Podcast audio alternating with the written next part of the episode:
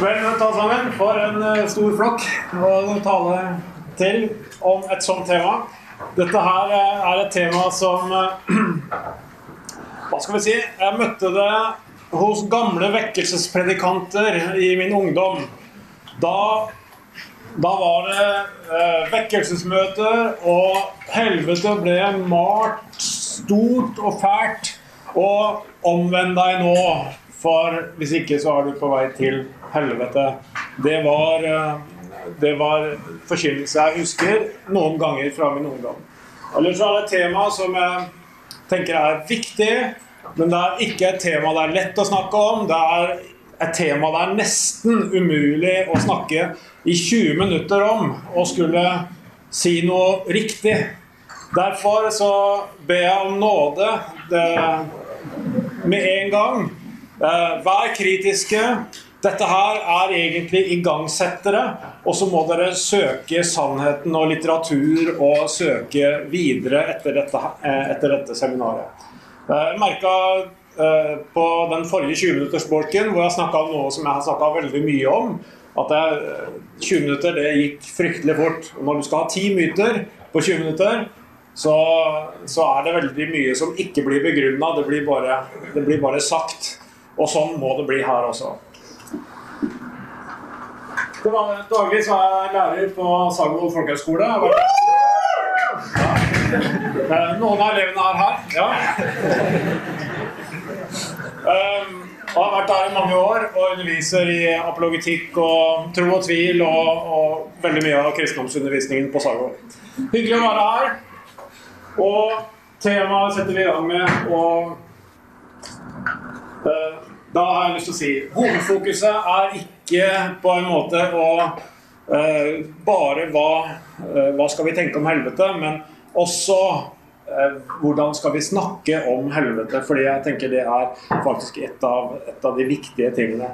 Så disse to henger, eh, henger sammen. Hvordan skal vi tenke om helvete, og hvordan skal vi snakke om helvete? Eh, og bare, bare det at eh, jeg nevner ordet helvete, er nok til å sette i gang masse forestillinger hos den jeg skal snakke med.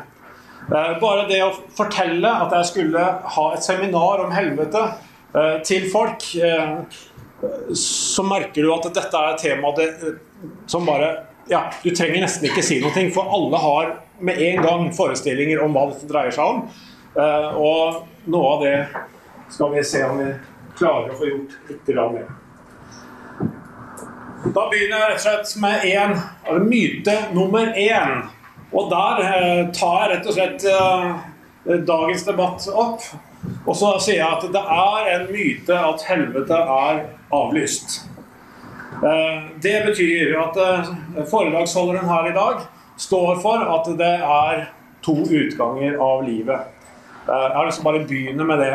Eh, nå det, har det vært i media her en biskop og en uh, rockeprest og diverse sånn som sier at helvete er Nei, det er avlyst. Det eksisterer ikke. Det fins ikke. Eh, og man føyer gjerne til at helvete er den situasjonen vi lever i nå eh, for veldig mange. Og da må jeg bare si eh, Ja, mange opplever et helvete nå. Eh, men det blir en del problemer også av å si at det, det, det finnes ikke noe helvete. Det finnes ikke noen ting Det finnes ikke to utganger av dette livet. Eh, Men så er det ikke sikkert at det helvete er slik som det tradisjonelt eh, har blitt oppfatta av mange. Det, det kommer jeg da litt tilbake til. At det er mye ondskap i denne verden, gjør gjør at noen tenker at nå, er ondskapen brukt opp, og alle mennesker kommer automatisk til himmelen. Eh, enten man eh, har levd slik eller slik, enten man tror eller ikke tror. Eh, det er da tanken. Jeg tror det er en myte. Eh, de fleste andre mytene nå vil gå i motsatt retning enn denne myten. Eh, For jeg vil ta et, eh, også ta et oppgjør med mye av helvetesforestillingene som har vært i kristne sammenhenger.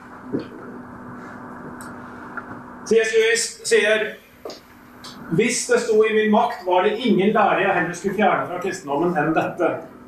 Men læren kommer tydelig fram i Bibelen, og spesielt i Vår Herres egne ord. Den har alltid vært en del av kristendommen, og fornuften støtter den. Hvis man spiller et spill, må det være mulig å tape.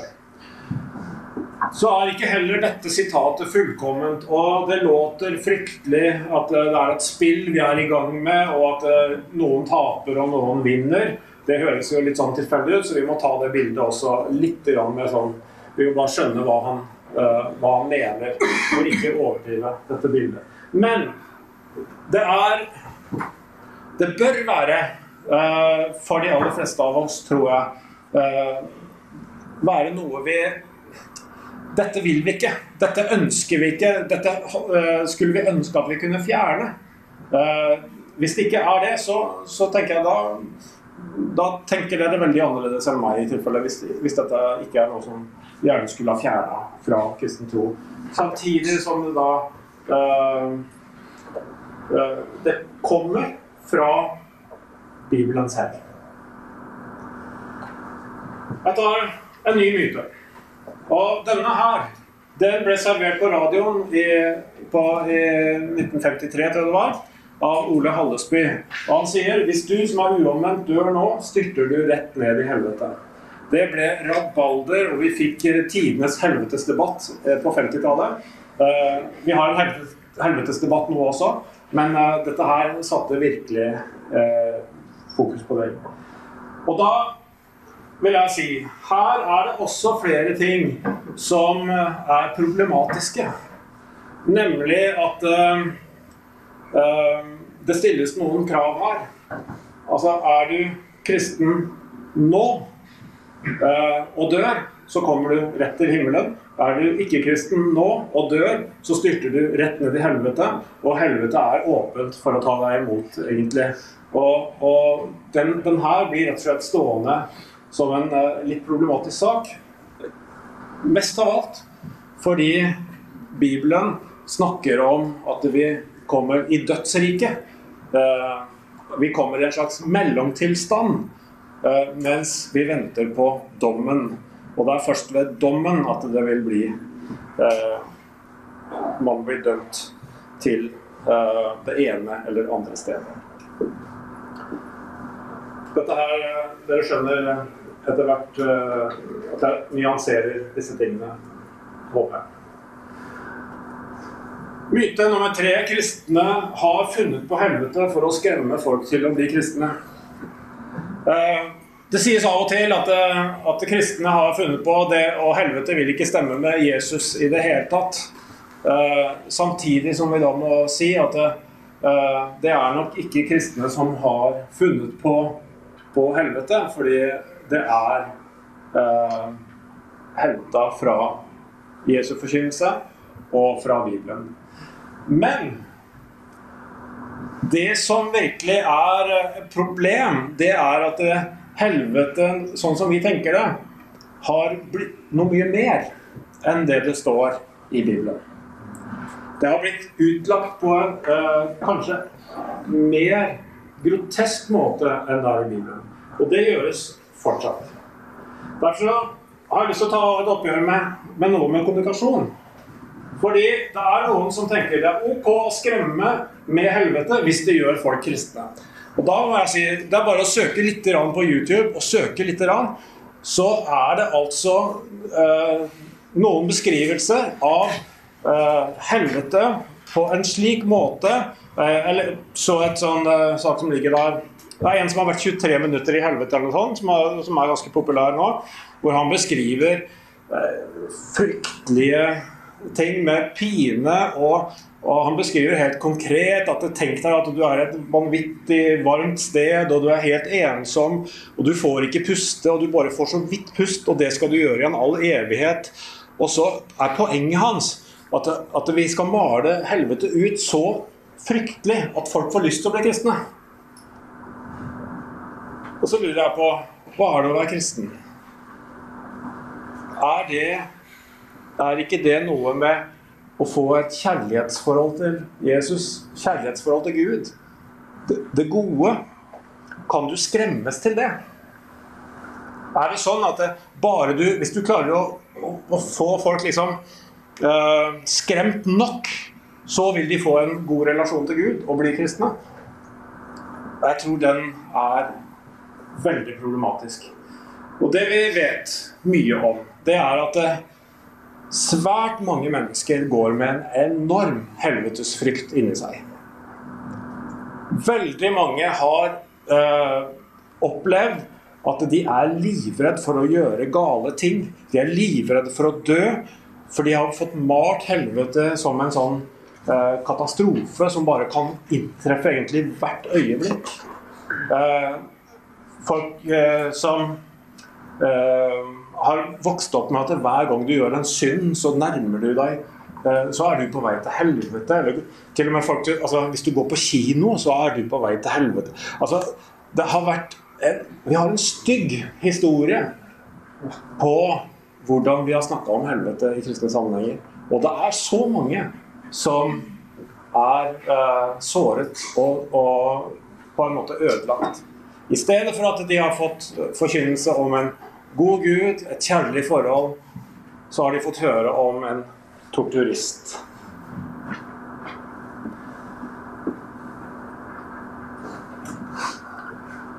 Så her kommer det faktisk eh, en påstand fra min side. Dere får sjekke det.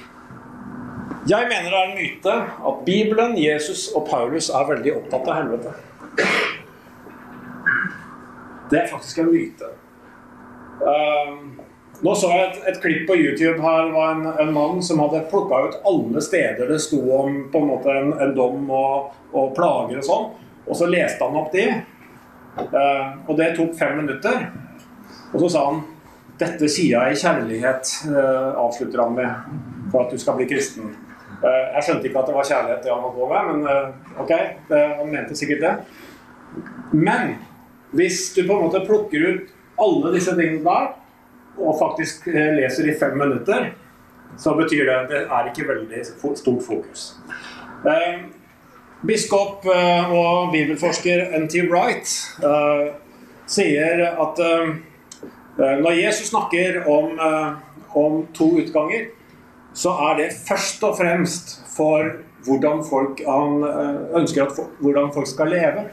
At de må velge å gjøre gode gjerninger, de må velge å følge Gud. Han er veldig lite opptatt av uh, hva som skjer etterpå. Og Wright mener til og med at uh, mange av, de, mange av de stedene hvor Jesus snakker om Hvis dere ikke vender om, så kommer det til å skje en ulykke. Så snakker ikke Jesus om etterlivet i det hele tatt. Han snakker til folk om at hvis dere ikke vender om til Gud nå, så kommer det fremmede makter til å ta dere. Romerne kommer til å innta dere og, og kaste dere på søppelhaugen, som da uh, i Jerusalem het Gehenna. Som i vår oversettelse er oversatt med 'helvete'. Så han mener Jesus snakker mange ganger ikke om helvete i det hele tatt. Men han snakker om en dom som vil komme over folket der og da. Og så eh, er det signaler som går på at det vil komme en eh, altså, Vi er ikke i tvil om det. Det vil komme en dom, og at det vil være to utganger, eh, ifølge Jesu forkynnelse. Går vi til Paulus, så vil Paulus også snakke om to utganger, men svært lite om helvete. Svært lite. Let. Let. Og når det snakkes om, så brukes det bilder. Og her er vi inne på et av problemene til kristen forkynnelse mange ganger. Det er at bildene som brukes, blir tatt bokstavelige. Og når man tar alt det bokstavelige, Eh, så blander det litt med, med litt eh, tanker og sånn fra sen middelalder og blander det med noe norrøn mytologi og, og folketro og sånn, så har vi fått denne forestillingen om at helvete er et torturkammer. Eh, dette, dette stedet hvor du, hvor du skal eh, plages gjerne av djevelen og demonene og sånn, Dette er jo en forestilling som vi ikke har fra Bibelen. Det snakkes om, eh, om dette, denne andre utgangen snakkes det om på flere måter i Bibelen. Men det brukes ulike bilder. Og, og det er riktig at det brukes ord som, som brann. Eh, men da, det er helt naturlig, fordi eh, det bildet som Jesus bruker, det er at det, det brant på, på søppelfyllinga Gehenna. Eh, der var det en brann. Det var også et forferdelig sted, for det en gang hadde vært holdt avgudsdyrkelse der og barneofring. Og dette ble brukt som et bilde. Men det snakkes også om at helvete er stedet utenfor og borte fra Guds ansikt, og at det er mørke. Med andre ord ild og mørke og ildsjø. Alt dette her er jo bilder. Og problemet med tenker jeg, den, den, han som har skrevet bok og holder foredrag i USA om at han har vært 23 minutter i helvete Altså, Jeg tror ikke noe på det. Jeg må bare si det. Jeg tror ikke han har vært 23 minutter i helvete. Eh, men han bruker masse bibelsitater på at han har vært der.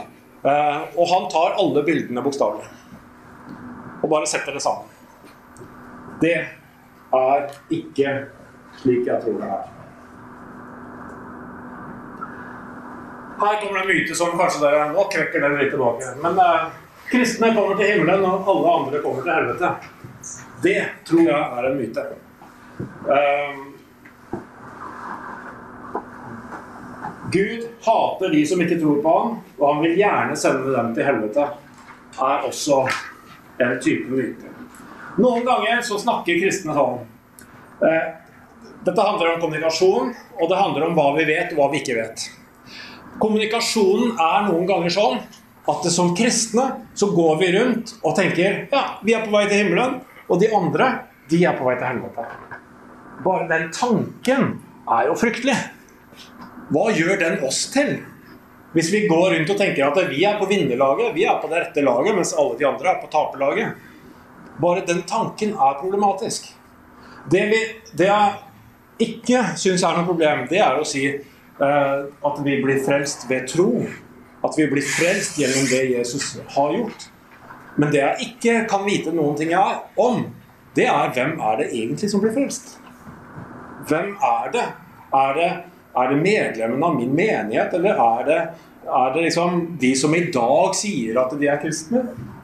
Jesus problematiserer jo til og med med disse tingene. Uh, snakker om, om, dommen som kommer, hvor, hvor geitene og sauene blir skilt. Og hva blir de skilt fra? Eller på hvilket grunnlag blir de skilt? Jo, de blir skilt ut ifra om de har gjort gode gjerninger. Eller ikke gjort det. Og så er det litt underlig da, å se i den lignelsen at, det, at man spør ja, men når gjorde vi gode gjerninger? Når var det vi gjorde dette her? Altså Man var rett og slett ikke helt Altså, Har vi gjort gode gjerninger? Ja, vi har kanskje det. Eh, så snakker han om en dom på bakgrunn av hva du har gjort, og hvordan du har levd. Med andre ord troen om at, eller at du har liksom stempelet 'kristen' i panna, eller stempel sånn, er den kan vi egentlig Vi kan problematisere den litt. Fordi det handler ikke om noe ytre sånn sett. Eh, det står at dommen skjer på bakgrunn av gjerninger og tro. Og så er det et sånn der, spenningsforhold i kristen tro som man prøver å løse. Liksom, er det gjerningene? Er det de gode gjerningene, eller er det troen? Eller er det slik at en levende tro er faktisk preget av gode gjerninger og kjærlighet? Men i hvert fall eh, eh, Nå vet jeg ikke hvor mye tid jeg har, men jeg, dette må jeg bare ta. Mm. Uh, så er det noen som kristne som tenker alle andre i verden kommer til helvete uh, som ikke er kristne. Og hvis de ikke har hørt om kristen tro, så vil de komme til helvete. Eller hvis de tilhører en annen religion. Da tenker jeg, da sier vi mer enn det er grunnlag for å si, for det vet vi faktisk ingenting om. Jeg tror Nå skal jeg bare si dette her, får dere teste, men jeg tror det er jøder og muslimer og andre som kommer til himmelen, eller som på en måte blir frelst. Eh, men jeg kan ikke si at man blir frelst av islam eller noe sånt. Og jeg kan ikke si at det, at det, er en kollektiv sak. Eh, men jeg tror at Jesus virkelig ønsker å frelse alle mennesker. Eh, og at det, det er ikke sånn at de som var så heldige å få høre og ta imot, eh, de er på vinnerlaget, mens alle andre er på en måte på taperlaget. Gud gir nok en mer rettferdig sjanse enn det. Det er altså ikke en nedgradering av hva Jesus har gjort. Det er ikke en nedgradering av å drive misjon eller noe sånt. Men det er bare hvordan tenker vi om andre sitt forhold til, til dom og til Gud. Her må vi ikke slå oss på brystet og si vi har alt i orden, og de har alt feil. For dette vet vi lite om. Og Da er vi inne på en ting til. Dommen vil bli urettferdig. Ingen vil velge helvete. er eh, også en myte. Ingen vil egentlig velge bort Gud og kjærlighet. Ingen vil velge egoisme og ondskap. Uh, og Her er det flere diskusjoner vi legger egentlig opp til. Men den ene diskusjonen er at dommen vil bli urettferdig. Og det er klart, hvis Jeg sier på alle dere har vært borti tanken om at hvis dere lever et veldig kort liv, og så og, og, så dør dere på et tidspunkt hvor dere ikke trodde, men hvis dere altså ikke trodde, eller et tidspunkt hvor dere hadde gjort noe galt, så blir dere straffa for det i all evighet. Virker ikke det Virker ikke det fryktelig urettferdig? Og vi kan tenke oss mange andre eksempler på ting som virker urettferdig. Og da må jeg si ja, jeg tenker det er urettferdig, og det er urettferdig. Men det jeg tenker om Gud, det er at alle vil få en rettferdig dom. Alle vil få en rettferdig dom. Om det da skjer ved at man får nye sjanser etter sin død, som en del kristne tenker, eller om det skjer ved at uh, altså, Hvordan dette skjer, det, det, vet jeg ikke. Men det er helt uh, sånn der, fjernt for meg å tenke at man tilfeldigvis havner i helvete fordi man var litt uheldig den dagen og døde da, og ikke dagen etter. F.eks. Hvor man kunne ha møtt en ran. Eller at det, at det er eh, Det er liksom ikke, ikke samsvar mellom måten man har, har, levd på, og den straffen som kommer. Jeg tror på, u, uh, på en rettferdig Gud. Men betyr det uh, Altså, vi tror på en kjærlig Gud. Betyr det også at det, at uh, egentlig, hvis folk hadde visst hva, uh, hva, dette etterlivet var sammen med Gud, hvis de hadde kjent Gud, hvis de hadde virkelig fått møtt Gud, så ville alle mennesker ha valgt å bli kristne. Hvis vi svarer ja på det, alle ville ha valgt å være kristne hvis de hadde møtt Gud på ordentlig, så var det jo veldig urettferdig, da, eventuelt, at de ikke hadde møtt Gud på en ordentlig måte. Eller at de var så uheldige å møte en kristen som var veldig eh, dårlig. var slem. En psykopatisk kristen, det var den kristne du møtte. Og Derfor så tok de avstand fra, fra kristen tro. Og det var jo dumt, eh, for det fikk eh, endeløse konsekvenser for dem. Nei, altså ikke urettferdighet. Eh, jeg tror ikke noe på det. Men er det sånn at alle mennesker egentlig vil velge kjærlighet og vil velge Gud? Jeg tror at svaret på det er nei. Uh, ut fra Bibelen så er det tydelig at noen vil, selv med om Gud prøver en million ganger, å gi dem kjærlighet og tilgivelse, så er det noen som vil si nei. Derfor så tror jeg på en måte på to utganger. Jeg håper helvete, eh, for å si det sånn, eh, kommer tilbake til det helt til slutt igjen. Jeg håper helvete blir fryktelig tomt. At det er veldig få som havner der. Men jeg tror samtidig at no, noen mennesker øh, vil velge å leve uten Gud. Vil velge å leve uten kjærlighet. Selv om jeg skjønner det ikke, så tror jeg at noen vil kanskje gjøre det ut fra hva Bibelen sier om at ikke alle blir frelst.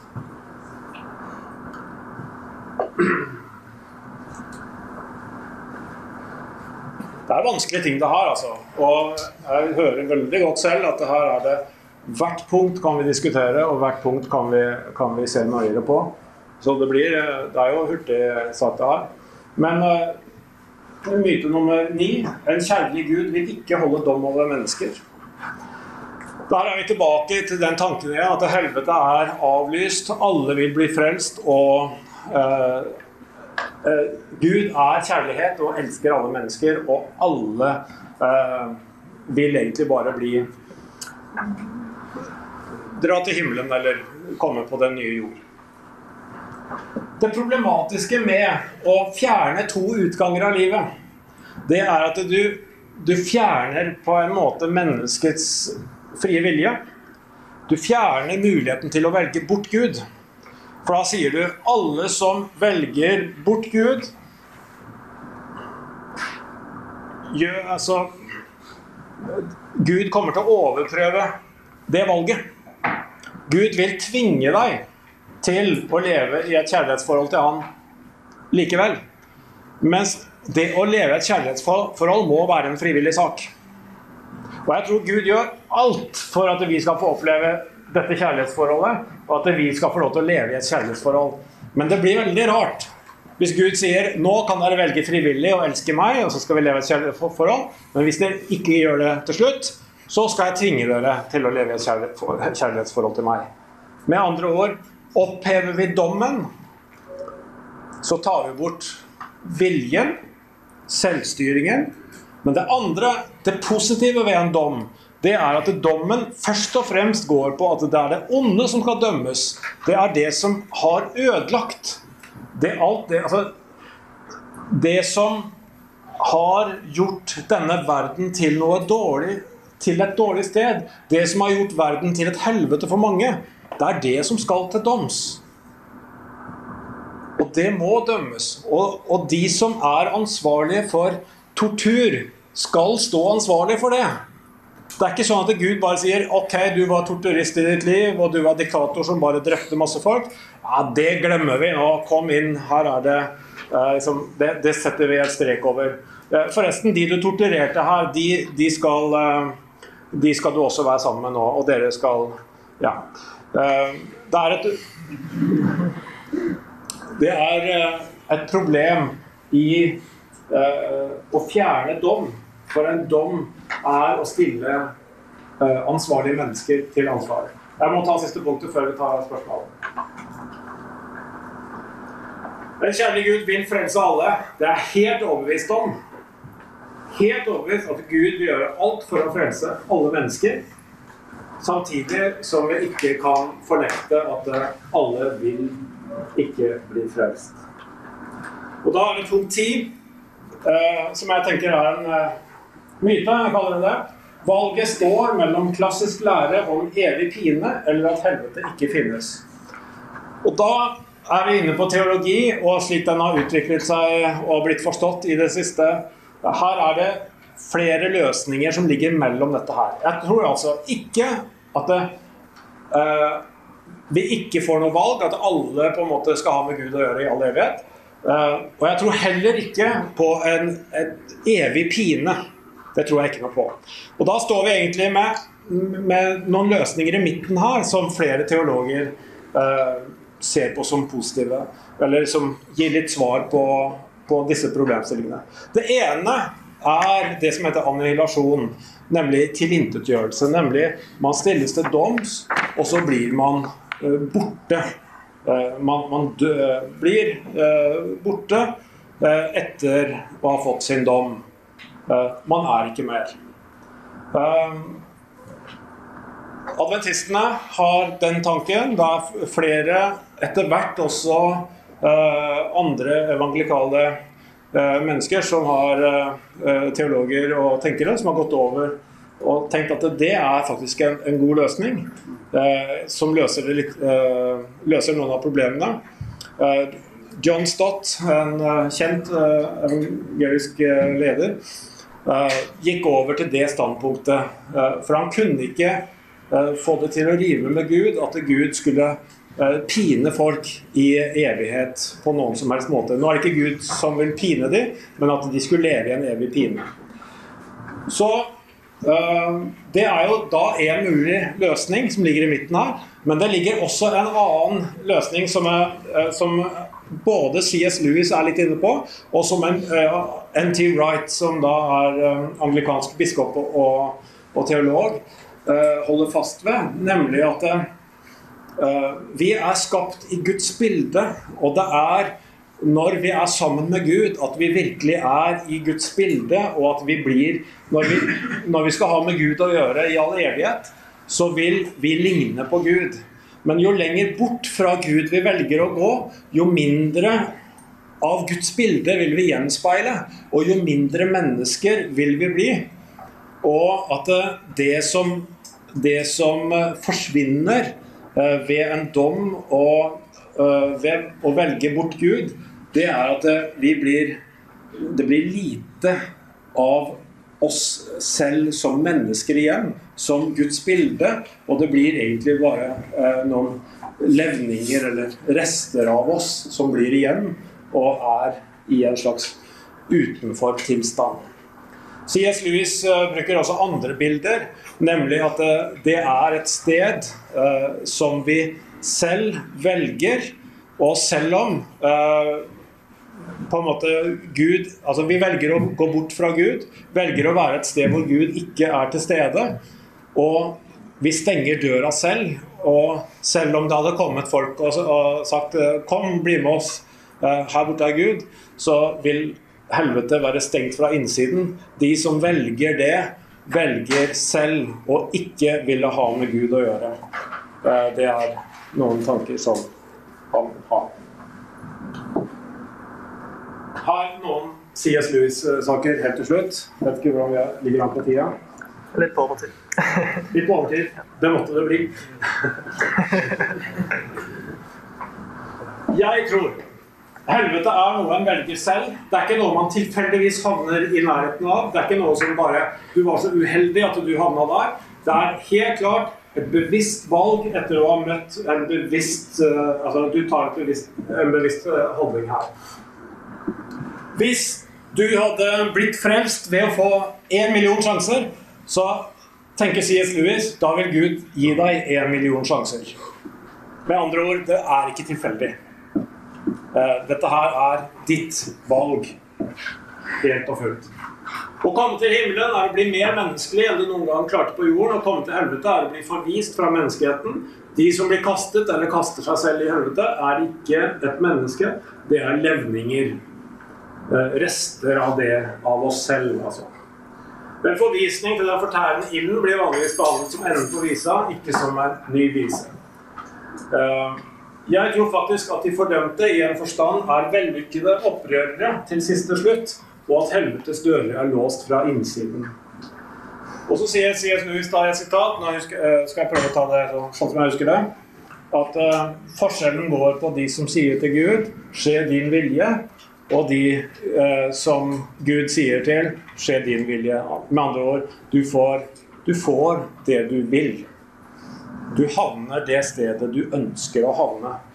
Eh, det er tanken. Enten hos Gud eller utenfor Gud. Dette er ikke et lett tema. Eh, kanskje en del tanker som har blitt satt i gang. Vi kan ta bare noen Eh, spørsmål, noen tanker om det her. Og så ja.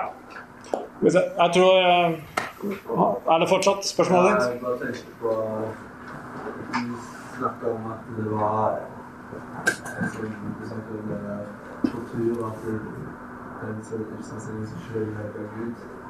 Men det er jo det er jo fortsatt Alle mennesker gjør gale ting, men det er jo fortsatt en del som ville gjort som er gjort mye ganske grusomme ting som kanskje valgt ut. Så Folk har gjort grusomme ting og ville velge Gud hvis de øh, Og det Jeg tror at man får en rettferdig sjanse. Ja. En rettferdig Gud er på en måte liksom clouet, tenker jeg. Ja. Du nevnte litt om det med gjerninger og Jesu lignelse som jeg og sønnene. Og er det ikke da at vi skiller mellom hva Bibelen kaller døde lovgjerninger, altså gjerninger man selv gjør for å prøve å være god og moralsk menneske, og de gjerninger som bare er født fram fordi Gud bor i meg, altså åndens frukt. Hvis ikke hvis ikke skylder på det, så vil jo vi aldri vite for sikkert om mine gjerninger er gode nok. Og en min gjerning er aldri god nok. Men Jesu gjerning er god nok. Derfor kommer ikke jeg til å fordi han ble dømt i mitt sted. Så jeg bare tenker at vi må, når det kommer til betydning av gjerninger, må vi skille mellom hva som er egne menneskelige gjerninger for å oppnå og hva som bare er av hva som er åndens gjerninger i en selv. Det er, det er en interessant tanke. Jeg tror den, problematisk, altså den er problematisk i praksis. eh, Og, og på en måte, hvor kommer den gjerningen fra? Er den fra Gud? Er den fra meg? Så, men det er en interessant tanke. Jeg, jeg har bare lyst til at vi skal se på det her. Johannes 5, 24-29. Sannelig, sannelig, jeg sier til dere, eller sier dere, den som hører mitt ord og tror på Ham som har sendt meg, har evig liv og kommer ikke for dommen, men er gått over fra døden til livet. Det sier Jesus da her. Og så kommer i vers 29. De skal komme fram, og de som har gjort det gode, skal stå opp til livet. Og de som har gjort det onde, skal stå til dom. Og Her ser dere noe av spenningen i kristen tro. Fordi noen steder i Bibelen så snakkes det veldig mye om at det er gjerningene som teller. Og andre steder er det som om det er bare troen. Og så må vi holde disse tingene sammen, men, men det altså Det ligger en potensiell spenning her som har gjort at teologer har tenkt forskjellig og kommet til forskjellige løsninger. Eh, og bare minne om at, at man sier det er, hvis, du gjør, hvis du har en tro og ikke har gjerninger, så, så regnes det da for å være en død tro. eh, som vi har et bibelvers på i, i Bibelen. Ja. Eh, andre spørsmål? Gjermund? Eh, det blir veldig ofte sagt at uh, helvete er fravær av, av Gud. Altså eh, den tilstanden å være i helvete, det er et sted der Gud ikke fins. Mm. Hva tenker du om den? Nei, altså det, det er det som ligner på det C.S. Lewis sier. Det er altså det, noe av det som ligner på det N.T. Wright uh, sier. Uh, og det er uh, Det jeg tror vi må bare være helt sånn der ærlige på, det er at vi, vi famler med bildene. fordi at når det snakkes om helvete og etterlivet, og himmelen for den del, så brukes det bilder. Og vi famler veldig med hva, hvordan skal vi forstå det. Eh, og, og hva betyr egentlig fraværet av Gud? Altså, hvordan Er det et sted, eller er det en tilstand, og sånne ting. Så jeg tenker det er en tanke som, som er eh, god, og som jeg sjøl ønsker å på en måte holde, holde høyt, nemlig fravær av Gud. Og et selvvalgt fravær av Gud er på en måte litt av mitt poeng med, med det jeg har sagt her i dag. Nemlig et selvvalgt etter og har fått de sjansene du på en måte trenger. Eh, men akkurat om, om det er et sted, tilstand Vi aner jo ikke. Vi, har bare disse bildene og driver og tolker eh, om dette her. Ja. Eh, vil en sånn tankegang enten skjønne til himmelen eller Jesus opphøre å eksistere, eller bare retorikk, da vil invitere Satan til å berge denne fysiske verden? Eh, og at det ikke er noe sant? Det er jo snakket masse om djevelen, men eh, som personlighet eh, er det noe som ikke følger med i prøvene? da? At Satan skal til doms, det er, det er på en måte tenker jeg, er også ganske stor igjen. Altså, det, det onde, den onde og Altså, de onde skal til doms. Det er en viktig del av dommen. Og, og sånn sett skal ikke Ikke ha det Altså nå, nå famler, vi igjen. For, for betyr det at, liksom, han faktisk, eh, at vi har et sted hvor, hvor disse er liksom, vi, Nei, jeg tror ikke det. Uh, Men de skal til doms. Det er jo tydelig. Var det, var det et spørsmål her? Nei? Ja. Uh, Du nevnte andre religioner og forskjellig, at du på en måte du kan bli frelst uten uh, å være kristen. Eh, Jeg sa ikke akkurat det, så Nei, men ja, du mente at eh, la fram på en måte at det kan være andre måter å, å bli frelst på, fordi Gud er rettferdig. Og, Ja. ja. men eh, Jesus sier jo at han er veien, sannheten og livet, og ingen kommer til Faderen uten meg. Mm. Altså han er den eneste veien til himmelen. Mm. Eh, men hvis det da er han som er veien til himmelen, så spiller jo ikke våre gjerninger noen rolle, for det er Jesus som har gjort gjerningen som gjør at vi kommer til himmelen. Uh, Kan du tar spørsmålet en gang til, for jeg skjønte ikke helt hva det er. var. mener du at eh, våre gjerninger spiller en rolle til og fra vi blir frelst eller ikke? Vi blir ikke frelst ved gjerninger, nei. Nei. Eh, Men at eh, gjerninger spiller en rolle eh, Hvis du ser her, at gjerninger spiller en rolle, ja. Men hvordan disse tingene er knytta til hverandre, det er eh, kanskje to sider av samme sak. Men jeg, når jeg snakker om andre religioner, andre mennesker, folk som ikke har hørt om Gud, så tenker jeg eh, hvis Gud er rettferdig, eh, så er det ikke sånn at de, de, tilfeldigvis ikke hadde hørt om Jesus eller noe sånt. Altså, jeg tenker, vi, vi trenger egentlig ikke å mene noen ting om det. Vi driver misjon fordi, fordi Jesus har sagt vi skal gjøre det. Vi, vi forkynner Guds eh, evangelium.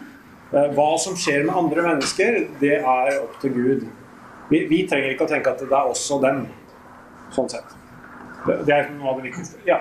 Eh, bare kort eh, kommentar. Også, det du kalte klassisk pine, det er vel egentlig ikke noe klassisk lærer. Altså, det pinelæren er vel egentlig ikke noe som, eh, som har dukket opp i nyere tid, egentlig. Altså det ja, altså vi, vi å, å ta, trekker inn Dantes komedie og sånn, eller, eller Det guddommelige komedie og, og Ja. ja.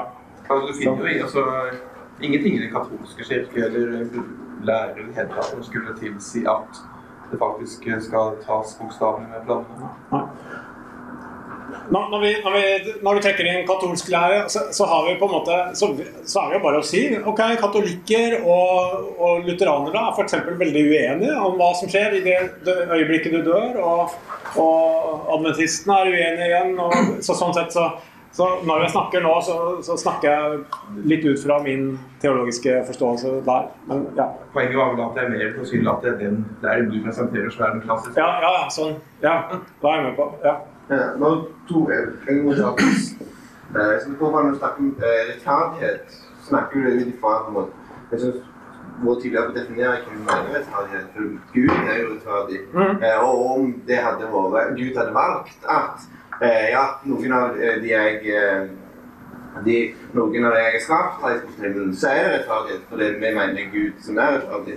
Når jeg på en måte begynner å tilegne seg at Gud mener rettferdig, hva som er rettferdig, så er en skummel eh, Nå, må jeg prøve å forstå hva du sier. Fordi sier du at det, eh, altså, hvis Gud ønsker at noen skal bli frelst, og andre ikke blir frelst, Ja. så er det rettferdighet. Nei, ja, det jeg sier, du kan tenke for eksempel at Gud hvis han vil touche sin frelse på det han vil, så er han, er han, i, han er i myndighet til å kunne gjøre det. Jeg sier ikke at det er saken, men, men, men det er jo Gud som er rettferdighet. Eh, derfor, ja, det, ja. Vi kan ikke dømme vi kan ikke stå her og si at den måten der å gjøre ting på, det er urettferdig. For det er jo ikke vår myndighet til å si. Men ja, det er bare en tanke. Ja, ja. Det. Så lurer jeg også på hvordan du, hvordan du forholder deg til Efeserne 2,8. For han nåde er frelst ved tro.